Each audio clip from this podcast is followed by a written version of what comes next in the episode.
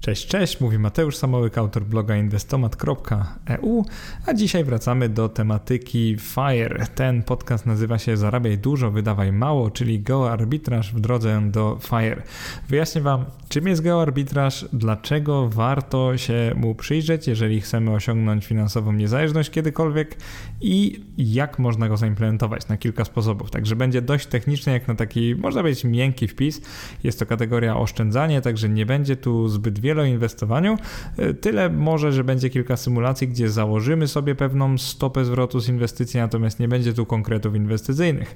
Tak naprawdę przyjrzymy się tutaj, jak można by, jak ja to mówię, oszukać, schakować życiowy GPS, zrobić w ten sposób, żeby można zarabiać na przykład w miejscu, gdzie zarabia się więcej, czy to zdalnie, czy fizycznie, a żyć w miejscu, gdzie e, kosztuje życie trochę mniej przynajmniej. Więc jakby próbujemy oszukać e, przestrzeń, może nie czasoprzestrzeń, ale przestrzeń w ten sposób, że oszczędzamy na życiu, natomiast zarabiamy więcej niż inne osoby, które żyją w tym miejscu, a przynajmniej więcej niż my moglibyśmy, gdybyśmy właśnie zarabiali w tym miejscu. I zanim nawet zaczniemy, przykładem takiej osoby może być na przykład programista, który pracuje zdalnie dla spółki amerykańskiej, a żyje, dajmy na to, w Polsce, albo jeszcze lepiej żyje w Indiach. Chodzi o to, że maksymalizujemy w ten sposób nasz nasze przychody miesięczne, nasze dochody, a minimalizujemy nasze koszty, czyli staramy się znaleźć takie miejsce na świecie, żeby gdzieś tam nam pasowało, choćby pod względem kulinarnym, żywieniowym, a idealnie oczywiście byłoby żyć we własnym kraju, żeby nie musieć się przemieszczać, a móc zarabiać więcej. I moja historia, tak naprawdę w mojej własnej historii jest taki epizod, można powiedzieć go arbitrażu.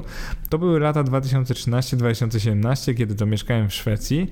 Moi znajomi, gdy tam mieszkałem, często sugerowali, że dzięki moim moim no, relatywnie do nich wysokim zarobkom na pewno mogę sobie na wszystko pozwolić i jeszcze sporo oszczędzić, ale prawda jest taka, że nic bardziej mylnego, ponieważ koszty życia w jednym z największych miast tego kraju były na tyle wysokie, że pomimo zarobków wynoszących równowartość około 10 tysięcy złotych netto na tamte czasy, to był 2013, e, jak na kogoś po studiach inżynierskich było to bardzo dużo. Tak naprawdę w Polsce nie spotykało się takich zarobków wtedy po moich studiach, czyli automatyce i robotyce. Zarabiałem 10 tysięcy złotych netto miesięcznie, ale efektywnie przez wysokie koszty życia w Szwecji mogłem oszczędzić jakieś 1500, 2000, może czasami 2500 zł. I to tak naprawdę przy dobrych wiatrach, bo jeżeli miałem jakieś nieprzewidziane wcześniej wydatki, to nie oszczędzałem ani grosza, więc tak naprawdę zasilanie mojej machiny inwestycyjnej, tak to nazwijmy, było dość kiepskie.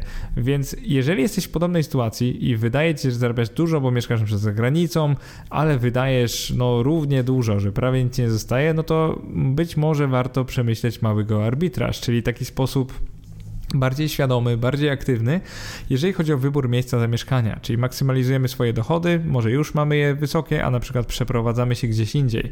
Ten temat zwłaszcza żyje w czasach pandemii, kiedy to się okazało, że bardzo wiele zawodów, takich przynajmniej komputerowych, siedzących przed komputerem albo pracujących przed komputerem, bardzo wiele takich osób może pracować z domu, więc jeżeli możemy pracować z domu, to czy musimy być tutaj w domu, czy nie możemy znaleźć naszego miejsca, miejsca na świecie. I często osoby, które mają takie wysokie koszty życia, budzą się dopiero po 50, na przykład zauważając, że pomimo zmęczenia lub wypalenia swoją pracą, są od niej w pełni zależni i w przypadku utraty tej pracy nie mieliby żadnego alternatywnego źródła dochodu. Dlatego właśnie finansową niezależność to jest ten człon FI od FIRE, czyli Financial Independence. Możemy ją osiągnąć dzięki dwóm czynnikom: zwiększaniu zarobków i redukcji lub chociaż nie zwiększaniu wydatków jednoczesnym. A jeżeli dołożymy do tego rozsądne inwestowanie pasywne, uzyskamy receptę na uniezależnienie się od pracy na wiele, wiele lat przed tą ustawową emeryturą. I to zwłaszcza dla mężczyzn, ponieważ dla nich ta ustawowa emerytura to jest rok 65 życia i myślę, że wiele lat dotyczy zwłaszcza tej różnicy między przykład wiekiem 50 lat a 65, bo zauważcie, że macie wtedy 15 lat więcej takiego życia na własnych zasadach, życia w taki sposób, no, którego nikt wam nie będzie e, dyktował po prostu. Zaczniemy ten podcast od dwóch filarów finansowej niezależności, czyli, czyli tak jak przed chwilą mówiłem, jeżeli byśmy mieli to sobie na takim diagramie rozpisać, to po jednej stronie mamy zwiększanie zarobków, a po drugiej redukcję wydatków. No i w jaki sposób tak typowo zwiększać zarobki? Takim prostym pomysłem jest awans czy podwyżka w obecnej pracy, czyli jeżeli po prostu dostajemy awans, dobrze pracujemy i dostajemy podwyżkę, to jest chyba taki najbardziej oczywisty sposób na zwiększenie zarobków. Kolejnym sposobem, jeżeli na przykład u bieżącego, obecnego pracodawcy nie damy rady dostać tego awansu podwyżki z dowolnego powodu, możemy spróbować zmienić pracodawcę. Natomiast w jednej branży, czyli na przykład pracujemy w branży, dajmy na to hotelarskiej, że robimy jakieś eventy w hotelu, może zarządzamy hotelem, możemy w tej samej branży hotelarskiej pójść po prostu do innego hotelu, innego pracodawcy i zarabiać więcej. To jest zazwyczaj możliwe. Jeżeli nie da się tego zrobić, no to zmieniamy stanowisko i branżę, czyli tak jakby zmieniamy albo to, jak się nazywa nasze stanowisko i co robimy, to często może skończyć się tym, że mamy lepiej płatne stanowisko kolejne, albo zmieniamy branżę, czyli na przykład z hotelarstwa przenosimy się, dajmy do tego IT, do którego tak wiele osób się przynosi. Czwartym sposobem jest po prostu zmiana miasta lub państwa zatrudnienia. To jest takie trochę ekstremalne, ale to oznacza, że się przeprowadzamy, bo w naszym mieście już mamy sufit, nie da się więcej zarabiać. I właśnie o tym będzie geoarbitraż, to jest jeden człon geoarbitrażu. Jeżeli przejdziemy teraz do redukcji wydatków, no to przede wszystkim, jeżeli wydajemy na coś pieniądze, to zazwyczaj możemy znaleźć tańszy zamiennik. I już niezależnie, czy to jest samochód, czy to jest komputer, czy to jest jogurt w sklepie, prawie zawsze znajdziemy tańszy zamiennik, że możemy kupić tańsze auto, tańszy komputer, tańszy jogurt. I zauważcie, że w skali globalnej oczywiście lepiej oszczędzać na drogich rzeczach niż na tanich rzeczach. Chociaż tych tanich rzeczy kupujemy tysiące w ciągu wielu, wielu lat, to prawdopodobnie oszczędzenie na jednym drogim samochodzie będzie jakby ważniejszym krokiem dla naszego Fire niż oszczędzanie na tym jogurcie co, co kilka dni. Tak przynajmniej mi się wydaje. E, drugim sposobem jest zakup przedmiotu używanego. No i w tym przypadku jogurtu raczej używanego nie chcemy kupować, ale oczywiście samochód lub nawet komputer możemy jak najbardziej kupić z drugiej ręki i mieć prawie że równie dobry produkt. Kolejnym takim już bardziej ekstremalnym krokiem jest rezygnacja z zakupu przedmiotu. Jeżeli nie musimy czegoś kupować, jeżeli chcieliśmy tego iPhone'a sobie kupić tylko po to, żeby mieć super nowoczesny telefon, ale no nie mamy potrzeby takiej, bo nasz telefon dalej działa, jest w miarę szybki, no da się przez niego rozmawiać przynajmniej, no to rezygnujemy zupełnie z zakupu drugiego przedmiotu i tak szybciej na pewno dojdziemy do Fire. Czwartym sposobem, też takim trochę ekstremalnym, to jest zakup przedmiotów w innym mieście lub kraju. Ekstremalnym, jeżeli się przeprowadzamy, bo jeżeli żyjemy w danym mieście, to oczywiście nie będziemy jeździć, nie wiem, 100-200 km, żeby zrobić zakupy, no chyba, że mieszkamy przy granicy z krajem, który jest dużo, dużo tańszy. Natomiast zwykle to polega na tym, że możemy znaleźć nawet w internecie tańszy produkt gdzieś, ale w kontekście geoarbitrażu, w kontekście FIRE i geoarbitrażu oznacza to mniej więcej tyle, co przeprowadzkę na stałe do tańszego tańszego miasta lub tańszego kraju, żebyśmy po prostu na stałe mniej wydawali w ciągu miesiąca, żebyśmy mogli więcej oszczędzić. I teraz, jeżeli tak trochę mamy zbliżyć się do tego dynamicznego zwiększania zarobków, no to powiem szczerze, że ja akurat nigdy nie miałem problemu z negocjowaniem podwyżek i wyższych stawek, także podczas mojej kariery zawodowej, mimo że w roku 2017, czyli po czterech latach pracy w Szwecji, przeprowadziłem się z powrotem do Polski i to się oczywiście wiązało z tym, że zarabiałem nagle dużo mniej pieniędzy, bo po prostu nie dało się na podobnym stanowisku zarabiać tyle samo, co zarabiałem w Szwecji. No ale na szczęście dla mnie udało mi się tak posterować moją, nazwijmy to, karierą w sposób taki, że co kilka miesięcy, zwykle może kilkanaście, dostaję całkiem spore podwyżki, co oznacza, że jakby teraz po kilku latach, w chwili gdy nagrywam te słowa, zarabiam naprawdę wiele, wiele więcej niż zarabiałem w roku 2017, kiedy to wróciłem do kraju. Na szczęście. Więc już abstrahując od mojej sytuacji, dla większości z nas Kwestię zwiększenia zarobków można osiągnąć po prostu zmieniając pracodawcę lub dostając tą podwyżkę i awans. Natomiast są takie profesje, w których jest to ciężkie, czyli na przykład jeżeli byśmy pracowali w górnictwie i w danej kopalni da się więcej zarabiać, to oczywiście możemy spróbować zmienić kopalnię, zmienić pracodawcę, co by się wiązało z wyjazdem do innego miasta, co też jest oczywiście rodzajem go arbitrażu, no bo jeżeli przeprowadzamy się, żeby więcej zarabiać, a dalej mamy, wiecie, fajne życie w danym miejscu, w kraju, w którym chcemy żyć, no to oczywiście geoarbitrażem jest to, że no zhakowaliśmy GPS-a, zarabiamy trochę więcej, a nie mieszkamy dużo więcej, dużo dalej naszego centrum życia. I oczywiście gdy wybieracie profesję, jeżeli teraz rozmawiam przykład do studentów albo do osób przed studiami, to pamiętajcie o tym, że warto mieć pracę mobilną, taką przed komputerem, na przykład to są specjaliści IT, graficy, marketingowcy, specjaliści HR, czyli po prostu HR-y, to takie osoby mogą łatwiej zmieniać miejsce, bo tej pracy jest jakby dużo w każdym mieście, to jest jedna rzecz, jeżeli trzeba stacjonarnie, a jeżeli nie, to można sprzed komputera ją wykonywać tak naprawdę w swoim domu. A jeżeli w swoim domu, no to kto powiedział, że musimy być e, w Polsce? Możemy być tak naprawdę w jakimkolwiek e, mieście lub państwie Europy. I inna sprawa, że nie musimy się tak naprawdę cofać lub iść do przodu o wiele e, stref czasowych, więc to jest też coś, o czym trzeba pomyśleć, wykonując go arbitraż, żeby nie różnić się bardzo między strefami czasowymi, no bo przecież nikt z nas nie chce pracować gdzieś tam po nocy. Przynajmniej tak mi się wydaje. Jeżeli chodzi o mocne cięcie wydatków, to powiedziałbym, że to jest sprawa dość prosta. Mamy w społeczeństwie naszym bardzo dużo osób, które na przykład zarabiają 10 tysięcy złotych na rękę, ale notorycznie wydaje 90% e, tego. Czyli na przykład wydaje 9 tysięcy i taka osoba może oszczędzić i zainwestować 1000 złotych miesięcznie. I jakby nie neguję tutaj tego, że za te wydane 9000 zł można mieć dużo bardziej komfortowe i bardziej spełnione życie niż za te mniejsze środki. Chcę jednak teraz podkreślić, że w kwestii dążenia do FIRE, czyli finansowej niezależności w celu przyspieszonej emerytury, taki człowiek nie różni się w ogóle od osoby, która zarabia 4000 zł i wydaje na życie 3000 zł, czyli też oszczędza ona jakby z prędkością 1000 zł miesięcznie. Więc jakby dla obydwu osób osiągnięcie FIRE będzie równo trudne. Jeżeli osoba, która zarabia 10 tysięcy na rękę nie umie oszczędzić więcej niż 1000, no to tak jakby zarabiała 4 tysiące i wydawała 3 tysiące. I właśnie z tym problemem próbujemy się zmierzyć w tym dzisiejszym podcaście, próbując optymalizować miejsce zamieszkania i miejsce pracy pod kątem zarówno zarobków, jak i wydatków. Czyli może przede wszystkim chcemy mieć wysokie zarobki, niskie wydatki, ale też mieć jakość życia. I to jest bardzo istotne, bo zauważyłem, że jak sobie w internecie poszukacie go arbitraż, takiego hasła, to często osoby, które opisują temat, pomijają ten aspekt jakości życia.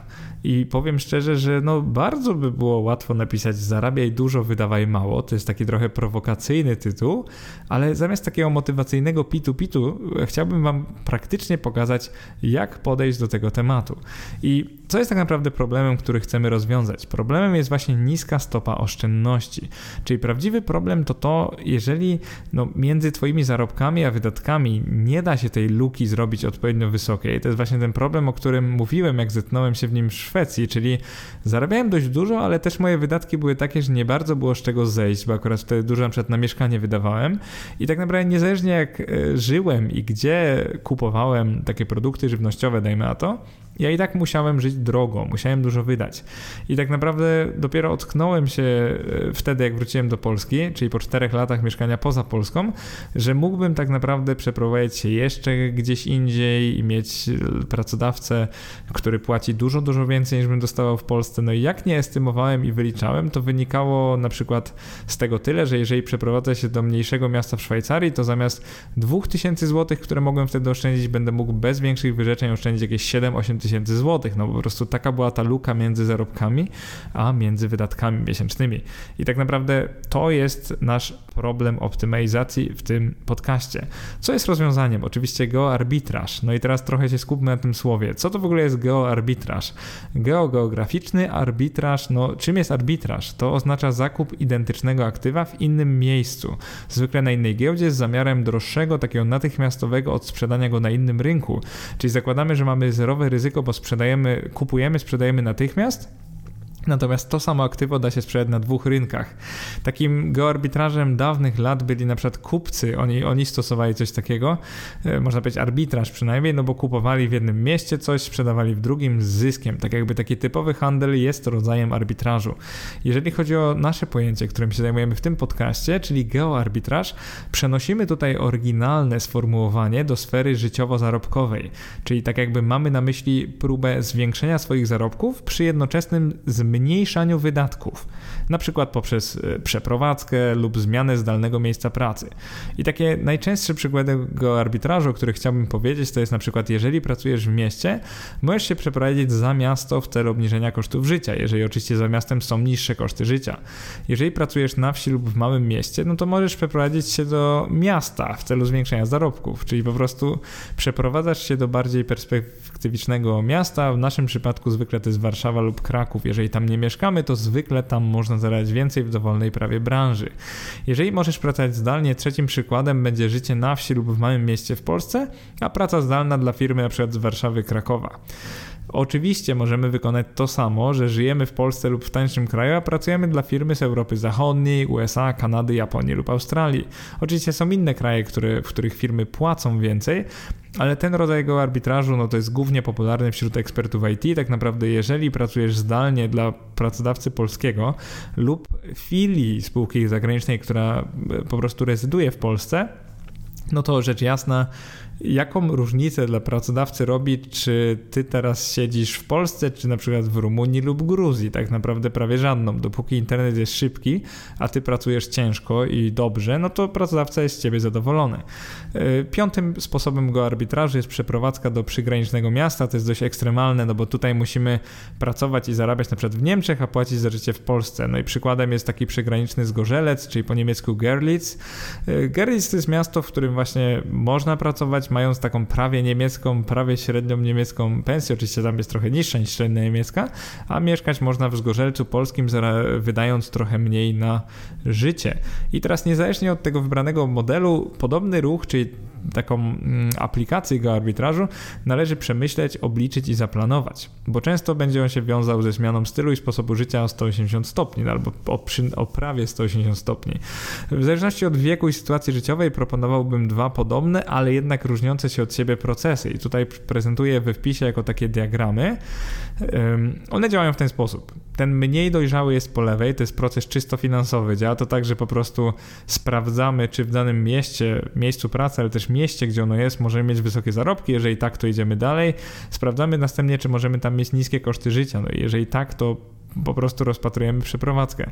I zauważcie, że ten proces działa dwojako, bo jeżeli już mamy dobrą pracę, na przykład pracujemy zdalnie dla Szwecji, ale mieszkamy w Polsce i zarabiamy jakby więcej niż moglibyśmy zarabiać w Polsce, to oczywiście pomijamy ten pierwszy krok i po prostu szukamy miejsca, gdzie są jeszcze niższe koszty życia, na przykład przeprowadzamy się z Polski, dajmy na to na Ukrainę, jeżeli nam to nie przeszkadza. Tylko tutaj mamy proces czysto finansowy i patrzymy tylko i wyłącznie na zarobki i koszty życia, przez to on jest taki trochę niedojrzały, bo jak, jak człowiek wymaga czegoś od życia, no to chciałby mieć trochę lepszy proces. Mm, ja go nazywam proces finansowo-jakościowy. Zaczynamy od jakości, czyli pierwsze pytanie, które sobie zadajemy, to jest, czy tam w tym e, kraju, gdzie chcemy się przeprowadzić, jest dobra jakość życia, czyli czy warunki życia odpowiadają tym naszym, czy wymagamy od życia czegoś więcej, czy może to nam wystarczy. Jeżeli tak, to wtedy sprawdzamy, czy relacja dochodów do kosztów, oczywiście dochodów, które będziemy mieli albo w tamtym miejscu, albo zdalnie pracując do zagranicznego pracodawcy, czy ta relacja dochodów do kosztów będzie wysoka, czyli czy na przykład zamiast tysiąca czy dwóch tysięcy miesięcznie możemy oszczędzić nagle 5, 6, 7 tysięcy złotych lub nawet więcej. Jeżeli oczywiście tak, to jest to bardzo dobry wybór. Tak już wydaje się, że mamy jakość życia, mamy relację dochodów do kosztów, więc co jest trzecim pytaniem? Czy bliskość ojczyzny oczywiście. Dla, nie dla każdego będzie to takie ważne, ale jeżeli dla ciebie jest to istotne, to oczywiście e, nie chciał lub nie chciałabyś się wyprowadzać poza Europę, dajmy na to, więc ta bliskość ojczyzny będzie ważniejsza niż na przykład oszczędzenie na kosztach życia kolejnych kilkudziesięciu procent. I ten proces to jest moim zdaniem taki w pełni dojrzały proces i gdybym teraz planował wykonanie takiego ruchu, to dokładnie w ten sposób bym do niego podszedł. Co jakby udowodnię, zaczynając od, e, no w tych przykładach, które zaprezentuję, zawsze będę zaczynał od oceny jakości miejsc, w które możemy potencjalnie migrować. Zaczniemy w tym podcaście od geoarbitrażu lokalnego, czyli migracji wewnątrz polskich. Dla niektórych zabrzmi to trochę ekstremalnie, ale część naszego społeczeństwa, która na co dzień pracuje w dużych i drogich pod względem utrzymania miastach, na przykład właśnie w Warszawie, Krakowie, Wrocławiu, Poznaniu czy na przykład w Gdańsku, mogłaby spokojnie rozpatrzeć przeprowadzkę w inne miejsce w celu zredukowania kosztów życia. I skoro w dzisiejszych czasach pracodawcy i tak nie wymagają fizycznej obecności pracowników w biurze, a przynajmniej, no może, może nie w większości, ale w dużej części pracodawcy nie wymagają tej obecności, no to dlaczego nie mamy skorzystać z sytuacji, nawet tymczasowo na parę lat obniżyć swoje koszty życia, przeprowadzając się do jakiegoś na przykład miasta wojewódzkiego, ale w mniejszym województwie, które może się okazać 30-40% tańsze w utrzymaniu. Bo jeżeli tak jest, to oczywiście efektywnie będziemy mogli oszczędzić dużo, dużo więcej. I zaczynamy od oceny jakości życia w polskich miastach. Tu przygotowałem taką ciekawą tabelę.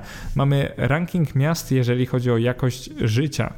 Akurat użyłem tutaj takiego rankingu przygotowanego przez Arcadis w roku 2021 i mamy tutaj kryteria jakościowe i następnie mamy też kryterium, nazwijmy to kosztowe, czyli ile kosztuje życie.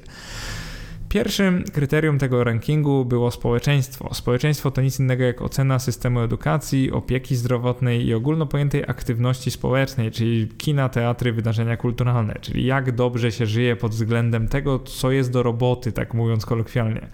Drugie kryterium to środowisko, to jest ocena za czystość powietrza, zieloną przestrzeń w mieście, dobrą gospodarkę odpadami oraz niskoemisyjny transport publiczny. Czyli po prostu jeżeli zależy na czystości, to, to środowisko może być nawet ważniejsze od społeczeństwa. Trzecia kategoria to gospodarka. To jest po prostu ocena za zamożność miasta i tak zwany klimat biznesowy, który zwykle manifestuje się niczym innym jak wysokie zarobki. To jest chyba takie najbardziej oczywiste, czyli mamy wysokie zarobki i niski poziom bezrobocia mieszkańców. I co ja zrobiłem poza tym rankingiem, czyli przedstawiam wam, który kraj ma które miejsce w danym, jakby w danej kategorii. Na przykład może być tak, że pierwsza jest Warszawa, bo jest pierwsza pod względem społeczeństwa, pierwsza pod względem gospodarki, natomiast 42 pod względem środowiska, czyli ma bardzo niskie miejsce. I to oznacza, że wynikowo jest pierwsza, ale ledwo, ledwo, bo dosłownie depcze jej po piętach Toruń. I teraz ci, którzy się zdziwią, że Toruń jest na miejscu drugim, to zwłaszcza się zdziwią, jak zobaczą jego miejsca w poszczególnych rankingach, no bo pod względem społeczeństwa jest 12, czyli dość daleko. Pod względem środowiska jest 11, czyli też nie tak blisko. Pod względem gospodarki 7, czyli Toruń jest przykładem miasta takiego zbalansowanego, gdzie mamy trzy tak naprawdę dość wysokie oceny, ale żadna nie jest bardzo wysoka. I jeżeli chodzi o koszty życia w Toruniu, bo dokoptowałem tutaj taką dodatkową kolumnę, to już nie jest akurat żadnych rankingów, tylko to jest ze strony numbeo.com, po prostu sprawdzałem koszty życia takie relatywne w danym mieście, to one wynoszą tu niecałe 70% kosztów życia w Warszawie, więc możemy sobie oszczędzić, no około 30% oszczędzamy kosztów, jeżeli żyjemy jeżeli z Warszawy przeprowadzimy do Torunia, to jest nawet powyżej 30%. To jest taki przykład. Więc jak wygląda proces tej optymalizacji? Wygląda on w taki sposób, że wybieramy tylko miasta, w których żyje się dobrze, czyli mają no, relatywnie wysoką ocenę za życie i do tego koszty życia są jak najmniejsze. To jest dość oczywiste. No i w tym przypadku, co, co udaje nam się z takiej tabeli wykaraskać? Tak naprawdę w żadnym wierszu wtedy nie może być czerwona, a przynajmniej nie może być bardzo czerwono. Tak byśmy przynajmniej chcieli, albo przynajmniej ocena wynikowa danego miasta jest na tyle wysoka, że przy jakichś kosztach życia takich niższych niż wyższych akceptujemy przeprowadzkę tam. No i tu się okazuje, że najlepszy taki wskaźnik, powiedzmy, ceny do jakości, nazwijmy to, mamy w Zielonej Górze, która jest na miejscu trzecim rankingu, akurat głównie za środowisko dostała wysoką ocenę, no i tam koszty życia są na przykład 58% tego, co w Warszawie. E, dajmy na to Bielsko-Biała. No tutaj akurat mamy w kategorii społeczeństwo niską ocenę, to jest 15 pozycja dopiero, ale środowisko jest wysokie, piąte, a koszty życia 63% tych warszawskich. Kolejno mamy takie miasta jak Koszalin na przykład, pierwsze pod względem środowiska, społeczeństwo trochę gorzej, 11, gospodarka no o wiele gorzej, 31, czyli jakby zarobki tam no już nie takie dobre, ale jeżeli pracujemy zdalnie, to nie ma żadnego dla nas znaczenia, jakie są zarobki.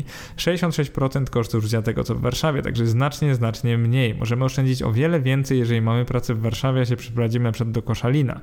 No i kolejnym takim miastem, gdzie można je przeprowadzić, bo ma dość wysoką ocenę, a niskie koszty życia jest Białystok. Tego się pewnie wiele osób mogło spodziewać. Pod względem społeczeństwa ósmy w Polsce, co jest naprawdę nieźle, środowiska 14 w Polsce, gospodarki 18 w Polsce, ale jeżeli pracujemy gdzie indziej, to ta ocena za gospodarkę oczywiście e, gra dużo mniejszą rolę. 67% koszty życia tego, co w Warszawie jest. Tak naprawdę w każdym z tych miast e, w porównaniu do Warszawy możemy oszczędzić przynajmniej 30% kosztów życia.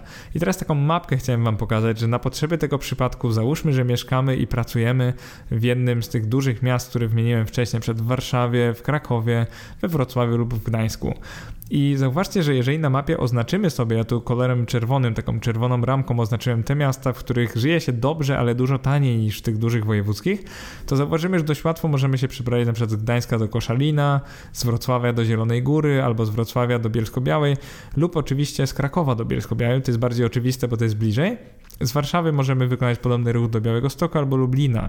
I co jest bardzo ciekawe, to to, że jeżeli zrobimy taki ruch, to dalej mieszkamy no tak do 3 godzin drogi samochodem z tego miasta, w którym mieszkaliśmy wcześniej pracowaliśmy, więc jakby wcale nie jesteśmy na tyle daleko, żeby na przykład nie spotykać się ze znajomymi albo nie wracać, nie odwiedzać naszej rodziny, więc taki ruch nie jest tak naprawdę bardzo ekstremalny.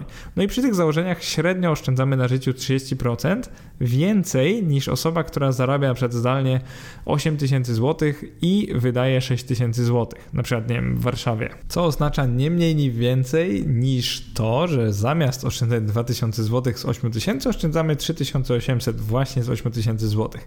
I tu mam do pokazania dwa wykresy, tak króciutko. Jeden z nich to jest symulacja wzrostu kapitału dla oszczędzającego 2000 z 8000 złotych miesięcznie. No i co tutaj widzimy? Widzimy to to, że taka osoba no niby oszczędza dość dużo, ale procentowo nie jest tak dużo. Powiedzmy, że chce ona oszczędzić 4 miliony złotych, bo tyle jej wystarczy, żeby przejść na ten financial independence, na tą e, early retirement, czyli na tą przyspieszoną emeryturę. No i wychodzi nam, że taka osoba musi, jeżeli zaczyna pracę w wieku 24 lat, od razu ma takie zarobki i oczywiście zakładamy tutaj, że nie ma inflacji, zakładamy, że nie ma wzrostu zarobków, e, czyli podwyżek. Czyli jakby zakładamy taki nierealistyczny scenariusz, ale oczywiście musimy coś założyć i powiedzmy, że inflacja kasuje ten brak podwyżek, że jakby wyrównują się jedno z drugim. Stopa zwrotu na naszym zainwestowanym kapitale to jest 7% netto, czyli dość dobrze, ale tak bez szału. To jest tak nieźle po prostu. Taką stopę zwrotu gdzieś tam można pewnie będzie osiągnąć w kolejnych latach, jeżeli się w miarę rozsądnie inwestuje, ale mimo wszystko głównie w akcje. Oczywiście nie będzie tak, że w każdym roku jest ona równa, no ale dzięki tej uśrednionej, średniorocznej możemy sobie zrobić taką pewną symulację. I wynika z niej, że jeżeli zaczynamy pracę w roku w wieku 24 lat, no to przejdziemy na przyspieszoną emeryturę w wieku, uwaga, uwaga, no to jest dość późno, yy, no 59-60 lat. Czyli no to jest tak, że tak naprawdę nasza przyspieszona emerytura następuje na chwilę przed zwykłą emeryturą. Czyli nie jest tak źle, ale no byłoby dużo lepiej, gdybyśmy zastosowali ten geoarbitraż. I tutaj dla kontrastu, jeżeli na przykład zamiast y, no nie pozostajemy w Krakowie, tylko na przykład przeprowadzamy się do Bielska-Białej i tu osiągnięcie finansowej niezależności, jeżeli żyjemy tu te wszystkie lata i możemy oszczędzić 3800, a nie 2000, to przyniesie nam emeryturę przyspieszoną szybszą o ponad 7 lat. Czyli zamiast w wieku 60 lat możemy przejść na tą emeryturę w wieku około 52 lat. To jest naprawdę niesamowite, bo zauważcie, że wtedy tych lat e, wolności, nazwijmy to, mamy o wiele, wiele więcej i przyspieszona emerytura jest naprawdę przyspieszona. Więc co jest naprawdę ciekawe, to to, że zauważcie, nawet nie ruszając się z naszego kraju, bo taki jest tutaj wniosek, możemy dojść do tych 4 milionów złotych stosunkowo szybko. Jak tylko będziemy z dużą dyscypliną oszczędzać i inwestować, to tak naprawdę nie musimy mieć ani astronomicznych zarobków, ani jakiejś takiej bardzo oszczędnej natury, która w ciągu miesiąca pozwoli nam oszczędzić bardzo, bardzo dużo. Więc prawda jest taka, że możemy przyspieszyć FIRE, a właściwie RE, czyli ten early retirement, możemy przyspieszyć sobie nawet o 8-10 lat, jeżeli po prostu przeprowadzimy się do tańszego miasta. I oczywiście nie każdy chce to zrobić, dlatego na tej mapce, którą wcześniej pokazałem, zauważcie, że te miasta nie są daleko od siebie, bo chciałem pokazać, że wystarczy przeprowadzić, po prostu wyprowadzić się z takiego największego miasta w regionie do jakiegoś mniejszego i możemy oszczędzić oszczędzić nagle na życiu 30-35%. I druga opcja, czyli jeżeli znamy języki, jesteśmy zainteresowani pracą dla zagranicznej firmy lub korporacji, to bez problemu otworem dla nas stoi także bardziej lukratywny sposób go arbitrażu, czyli go arbitraż globalny. On polega na znalezieniu miejsca pracy, znalezieniu pracy dla, dla, firmy z bogatego kraju zachodniego zazwyczaj, a rezydowaniu w Polsce lub jeszcze atrakcyjniejszym pod względem kosztów kraju. I w przypadku go arbitrażu globalnego tak naprawdę musimy na początku zastanowić się dobrze, czy chcemy to zrobić i jakie są problemy. Dajmy na to, że pracujemy dla firmy szwajcarskiej albo brytyjskiej lub na przykład niemieckiej, a pracujemy, żyją, no, żyjemy w Tajlandii jeżeli taka osoba miałaby pracować w europejskich godzinach, no to oznacza pracę między godziną 14 a 22 w Tajlandii, co jest oczywiście możliwe, ale nie każdy chciałby pracować na taką drugą zmianę codziennie, bo to jest też trochę dziwaczne, trochę może zaburzać nam rytm dzienny. Więc pierwszym problemem z arbitrażem globalnym jest właśnie to, że mamy kopnięte godziny pracy. One wynikają ze stref czasowych. Nie zawsze będziemy w stanie znaleźć tanie i dobre pod względem życia państwo w zasięgu przykład 2000 km od ojczyzny. Czyli to sprawi, że że czasami te strefy czasowe będą zbyt kopnięte, czasami odległość od rodziny i znajomych, co jest właśnie drugim problemem, będzie zbyt wysoka i po prostu nie będziemy chcieli tego robić, no bo co z tego, że oszczędzimy dużo, dużo więcej, przyspieszymy sobie FIRE, nawet zakładając powrót do naszego miejsca, tego no, ojczyzny, miejsca mieszkania takiego docelowego, to nie każdy chce mieć tak, tak dużą odległość od rodziny i znajomych. W zależności od etapu życia, czyli na przykład jeżeli masz swoją rodzinę i dzieci, no to może to być dla ciebie prostsze lub trudniejsze do zaakceptowania, że przenosisz tak daleko. Nie mówiąc nawet o sytuacji, w której byśmy chcieli się zaopiekować naszymi starzejącymi się rodzicami, no to oczywiście wtedy odpada zupełnie takiego arbitraż. Kolejny argument taki przeciw geoarbitrażowi globalnemu to jest ryzyko walutowe. Oczywiście zazwyczaj warto zarabiać w euro, dolarze lub funcie lub innej walucie państw rozwiniętych, np. franku szwajcarskim, a wydawać na przykład e, w złotych lub chińskich juanach, ponieważ zazwyczaj w państwach wschodzących te waluty będą z czasem tracić do tych walut państw rozwiniętych, ale oczywiście nie zawsze. Chodzi po prostu o to, że nikt nie umie przewidzieć kursów walutowych, ich ruchów w przyszłości, więc tak naprawdę ciężko jest przewidzieć długoterminową opłacalność takiego przedsięwzięcia. I to prawdopodobnie wie każda osoba, która żyje w Polsce, zarabia w firmie zagranicznej, czyli pracuje w firmie zagranicznej, zarabia przed w dolarze i te jej zarobki są tak naprawdę uzależnione od kursu do dolara do złotego i tak naprawdę czasami ten dolar rośnie, tak jak na przykład ostatnio i wtedy jest dobrze, czasami spada i to dość mocno i wtedy jest źle. Może wręcz się skończyć tym, że pracujemy dla firmy, która w chwili, w której negocjowaliśmy z nią warunki, miała płacić nam w naszej walucie dużo, dużo więcej, a po czasie okazuje się, że wszystko jest zniwelowane kursem walutowym, więc to jest oczywiście ryzyko. Kolejne ryzyko bardzo ważne to jest ryzyko fizyczne, czyli to jest bezpieczeństwo kraju, związane często z poziomem rozwinięcia tego państwa, czyli im bardziej rozwinięty kraj, tym zwykle bezpieczniejsze życie na jego terenie, terenie, ale to się oczywiście wiąże z kosztami życia, więc jeżeli chcemy do naprawdę taniego kraju się przeprowadzić, to bardzo często będzie on dość niebezpieczny do życia. I ostatnim problemem jest takie ryzyko pracodawcy. To jest takie może trochę bardziej namacalne ryzyko. Na dystans trochę łatwiej jest człowieka zwolnić, tak się często śmieje, przynajmniej teoretycznie. Więc jeżeli wróci się do biur, to oczywiście praca zdalna w ogóle może być niemożliwa lub utrudniona, więc jakby nie wiemy, jak długo potrwa taka sytuacja, że będziemy mogli spokojnie sobie pracować w Szwajcarii, a żyć na przykład w Tajlandii czy w Tunezji. Więc arbitraż globalny ma swoje wady, ma też oczywiście dużo zalet. I on rozwija sformułowanie migracji ekonomicznej na nowy poziom, ponieważ dokonując takiej zmiany, zauważcie, że szukamy nie tyle co lepszych warunków pracy, co niższych kosztów życia lub obydwu powyższych nawet, czyli jakby żyjąc w Polsce i pracując w Polsce, na przykład pracując w IT, możesz się zastanowić, czy nie chcesz zmienić pracodawcy na jakiegoś, nie wiem, szwajcarskiego albo duńskiego, niemieckiego, żeby więcej zarabiać. I kolejna rzecz, możesz się zastanowić, czy nie chcesz się przeprowadzić nawet gdzieś niedaleko, nie wiem, na Ukrainę, do Rumunii, gdzieś niedaleko, gdzie są niższe koszty życia, żeby to FIRE sobie jeszcze przyspieszyć. Oczywiście to jest dość ekstremalne, ale taka rzecz jest jak najbardziej możliwa. Podejrzewam, że większość z nas po prostu zmieni pracodawcę na, na zagranicznego, który lepiej płaci i zostanie w Polsce, bo to jest takie pragmatyczne podejście. Natomiast jak najbardziej warto przemyśleć różne aspekty tutaj. I zaczniemy jak zwykle od oceny jakości życia w krajach świata. W tym przypadku po prostu ściągnąłem sobie dane ze strony World Data Info.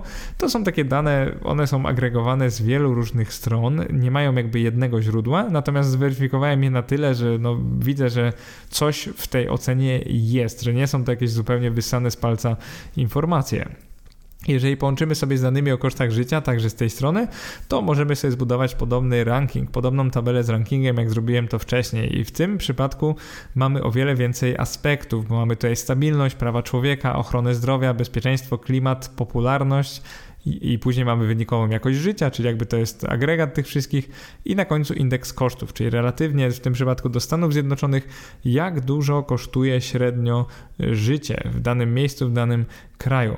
To może bardzo zaciekawić, bo tutaj właśnie mm, jakby kawa na ławę widać dokładnie na ile jakiś kraj e, ma wysoką jakość życia i na ile koszty są tam wysokie lub niskie. Oczywiście pragniemy żyć e, najlepiej w takim kraju, który ma jak najwyższą jakość życia i jak najniższy indeks kosztów, czyli który jest tani w życiu, w utrzymaniu, ale chcemy mieć wysoką jakość życia. I oczywiście zauważcie, że mamy tu rozbicie na tyle kategorii, że każdego i każdą z nas um, zainteresuje inna kategoria, czyli jakby dla niektórych klimat będzie mniej ważny, a na przykład ochrona zdrowia dużo ważniejsza.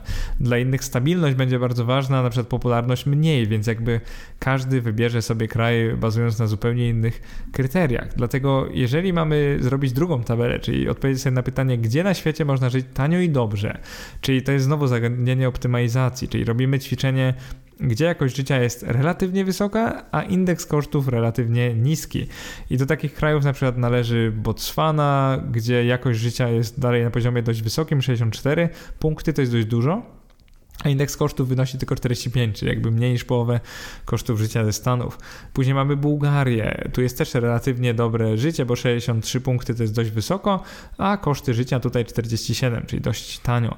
Później mamy Malezję i Północną Macedonię, tu jest podobnie jakość życia 59, koszty życia w Malezji trochę niższe, 39, w Północnej Macedonii 42.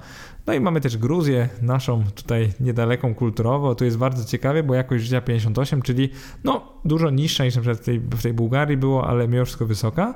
A indeks kosztów tylko 32, czyli żyjemy tu dużo, dużo, dużo taniej. To jest taka ciekawostka, bo tak naprawdę warto w ten sposób pomyśleć, jak się wybiera kraj. E, wiadomo, że to nigdy nie powinno być jedyne kryterium, ale warto jest pomyśleć w, tym, w ten sposób, czyli gdzie mamy i dobre życie, i tanie życie, bo są takie kraje. I teraz przykładowo, jeżeli Polak migrowałby do Gruzji, Algierii lub na Sri Lankę, mógłby spokojnie oszczędzić przynajmniej 40% więcej niż robi to w swojej ojczyźnie. To oczywiście zależy od wyboru miasta i standardu życia w tym mieście, w danym kraju, ale przynajmniej w teorii możemy sobie wyobrazić, że sama migracja, niezależnie od miasta do Gruzji, do podobnego miasta, mogłaby nam oszczędzić jakieś 40% więcej tego, co oszczędzamy w ciągu miesiąca. Jeżeli brzmi to dla Ciebie absurdalnie albo abstrakcyjnie, to chcę Ci pokazać taką mapkę. Tym razem mam mapę Europy Europy ze sobą i jakby co można zrobić. Na przykład pracując w Norwegii albo dla norweskiej firmy można się po prostu przeprawić do Polski Albo pracując w Polsce można je przebrać do Gruzji. To mamy podobną y, skalę oszczędności. Na przykład jeżeli pracujemy w Polsce, żyjemy w Gruzji, no to możemy oszczędzić około 40%. Tylko pytanie, dlaczego mamy w ogóle pracować dalej dla polskiej firmy, jeżeli możemy żyć w Gruzji, więc najczęściej wtedy będziemy kombinować, żeby zatrudnić się zupełnie gdzie indziej, gdzie się zarabia dużo więcej. Taki przykład, który chciałem tu umówić, to jest praca w Szwajcarii, a życie w Tunezji, bo zauważcie, że tak na mapie przynajmniej to nie jest aż tak daleko. Da się tam dolecieć zwykle w kilka godzin. Redukcja kosztów kosztów tutaj to jest nawet około 70-80%, więc to jest oczywiście abstrakcyjne. E, jak weźmiemy sobie pracownika szwajcarskiej korporacji, który żyje w Curychu i zarabia równowartość na przykład średniej krajowej, czyli 6,5 tysiąca franków szwajcarskich miesięcznie netto. W tej chwili odpowiada to około 26 tysiącom złotych miesięcznie, ale żeby być bezpiecznym załóżmy, że to jest 25 tysięcy złotych. Tyle trafia netto na konto pracownika po składkach i podatkach, zakładając, że żyją w Szwajcarii. Szwajcarska stolica, jak wiadomo, tania nie jest, więc taka osoba na życie wraz z czynszem za wynajem i tak dalej, i tak wydaje równowartość 4,5 tysiąca franków, więc jakieś 20 tysięcy złotych miesięcznie. Mamy więc osobę odkładającą aż lub tylko 5 tysięcy złotych miesięcznie, co samo w sobie jest wynikiem może dość dobrym, ale żeby osiągnąć FIRE w Polsce. Natomiast ta osoba akurat wymaga takiego wyższego trochę FIRE, bardziej fat FIRE i musi uzbierać 6 milionów złotych, a nie 4 miliony złotych. I to się jakby kończy w ten sposób, że ma świetną, dobrze płatną pracę, ale życie w Curychu zjada tyle środków, że taka osoba, mimo tego, że oszczędza, no można powiedzieć, aż 5 tysięcy złotych miesięcznie, to jest dość dużo mimo wszystko, to jest na pewno więcej niż średnia osoba, no to osiągnie to RE, czyli wczesną emeryturę, dopiero w wieku 54-55 lat. Wtedy uzbiera 6 milionów złotych. No i paradoksalnie, jej bardzo wysokie zarobki, które wynoszą równowartość 25 tysięcy złotych netto miesięcznie, pozwolą osiągnąć ten pułap po wielu, wielu latach, więc tak naprawdę nie jest to jakaś sytuacja bardzo dobra. I teraz wyobraźmy sobie, że taka osoba zarabia w Szwajcarii, ale może gdzieś migrować i nie przeszkadza jej Tunis, czyli stolica Tunezji.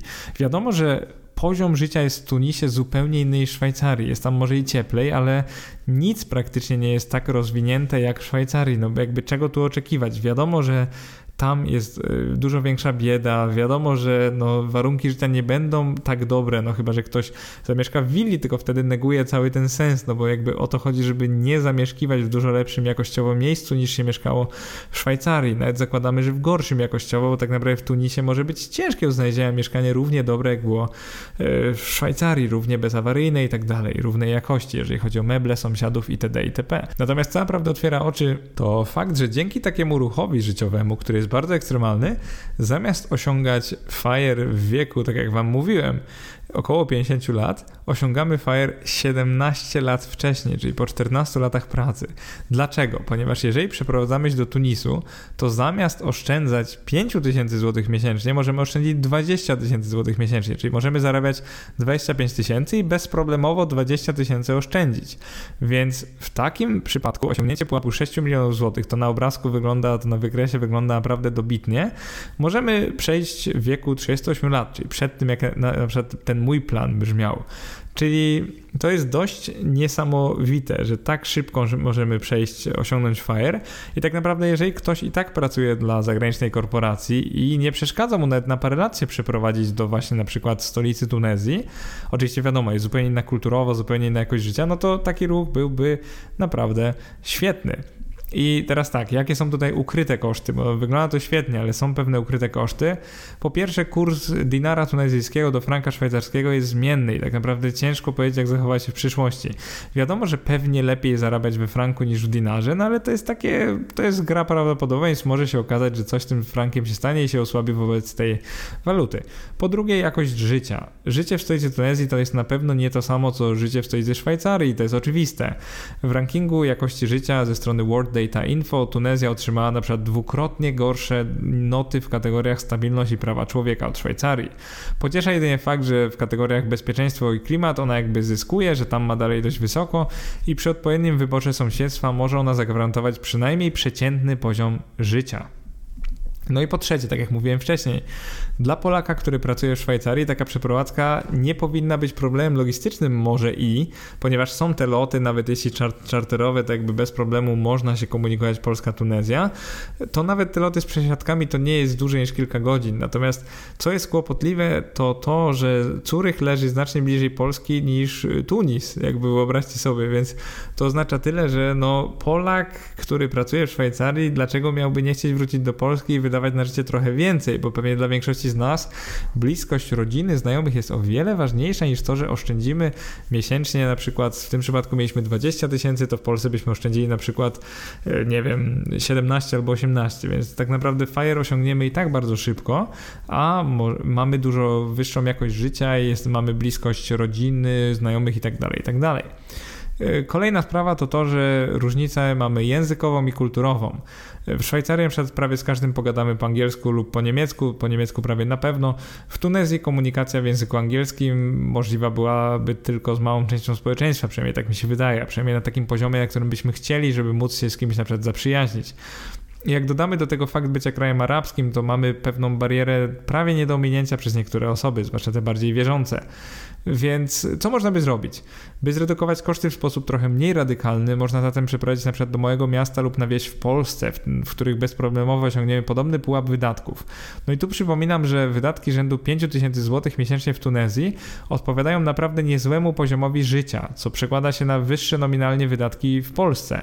I piszę to od razu, by, by odpowiedzieć na komentarze, które na pewno się pojawią, typu przecież w Polsce da się żyć za wiele mniej niż 5000 zł miesięcznie. I oczywiście się z tym zgadzam, bo wiem, jak się żyje w Polsce, wiem, że się da, ale piszemy tu o osobie, która w Curychu prowadziła takie dostatnie dobre życie za równowartość 20 tysięcy złotych. Więc jakby chcemy, żeby ta osoba miała podobny poziom życia, dlatego w tym Tunisie ma tak wysokie mimo wszystko wydatki. I jako, że zbliżamy się do końca podcastu, to chciałbym na koniec zostawić kilka przemyśleń na temat takiego odbiorcy idei geoarbitrażu. I myślę, że ledwie liznęliśmy temat geoarbitrażu, ale na koniec chciałbym mimo wszystko podzielić się kilkoma przemyśleniami. Pierwsze z nich to jest to, że jeżeli jesteś osobą młodą, ciekawą świata, znasz języki i jeszcze nie założyłeś lub nie założyłaś rodziny, to droga do geoarbitrażu stoi dla ciebie otworem. Takie osoby mogą, nawet może powinny zastanowić się nad odpowiednim doborem zarówno miejsca pracy, jak i miejsca zamieszkania, bo dla was najmniej jest zamrożone. Skoro jeszcze nie macie swojego mieszkania i nie chce wam się go najwyżej wynajmować, skoro nie macie rodziny, nie potrzebujecie rodziców albo oni was nie potrzebują, to oczywiście dużo łatwiej wam będzie się przeprowadzić. Więc w waszym przypadku można bardzo wczesny wczesnym etapie życia dokonać takiego geoarbitrażu, co jest oczywiście lepsze niż czekać z tym. Drugi, mm, druga taka sytuacja to jest, jeżeli założyłeś lub założyłaś rodzinę i wasze dzieci mają już przynajmniej kilka lat, no to wydawać by się mogło, że droga do emigracji jest zamknięta. Pamiętajcie jednak, że można wybierać na przykład nie polskiego pracodawcę, tylko lepiej płatną, zdalną pracę w zagranicznej firmie, efektywnie dokonując geoarbitrażu bez zmiany miejsca zamieszkania. I to jest bardzo ciekawy temat, y, o którym mogę o tyle dużo powiedzieć, że w ostatnim czasie sam zmieniłem pracodawcę zagranicznego i oczywiście zarobki mam teraz dużo wyższe niż miałbym w przypadku pozostania w Polsce, więc jakby ja sam jestem teraz jakby żywym przykładem go arbitrażu, ponieważ jestem zatrudniony przez firmę, w tym przypadku akurat duńską. Oczywiście mówię to na początku roku 2022, więc jakby to nic nie znaczy i gdy słuchasz tych słów, mogę już być dawno zatrudniony gdzie indziej, albo w ogóle nigdzie nie być zatrudniony, no bo oczywiście dążę do FIRE. Natomiast to, co chcę powiedzieć, to to, że ja nie zmieniłem miejsca mieszkania, dalej żyję w Polsce, a pracuję dla firmy duńskiej, jakby zarabiając dużo więcej niż mógłbym na rynku polskim. Przynajmniej tak mi się wydaje, to wynika z mojego researchu. Więc wydaje mi się, że większość Polaków, a na pewno większość odwiedzających mój blog, e, słuchających tego podcastu, e, może nie tyle co wyklucza ideę arbitrażu, to nie pomyślała nigdy o nim. Więc pamiętajcie, że przyspieszenie tego dojścia do finansowej niezależności, tej drogi do finansowej niezależności, niekoniecznie oznacza, że musicie się wyprowadzać. Czasami możecie zostać w Polsce, po prostu znaleźć lepiej płatną pracę za granicą, co przynajmniej dla części z Was, tej, która ma takie prace zdalne, bez problemu powinno być wykonalne. Dlatego sugeruję każdemu, a nie tylko dążącym do finansowej niezależności, żeby na przykład zastanawiali się nad możliwościami geograficznej relokacji, czyli chociażby tego, że możemy zmienić miasto w Polsce i nagle oszczędzać, nie wiem, połowę więcej, tak jak pokazał przykład ten z Krakowem i e, Bielsko-Białą. Więc jakby to, to są pomysły, zostawmy to tutaj i myślę, że to by było dobre zakończenie podcastu. E, przede wszystkim, jeżeli Ci się podobało, nie zapomnij o tym, żeby ocenić go na Apple Podcast. Bardzo dziękuję za każdą piąteczkę, już mam takich ocen dość sporo. Do usłyszenia w kolejnym odcinku podcastu. Na razie.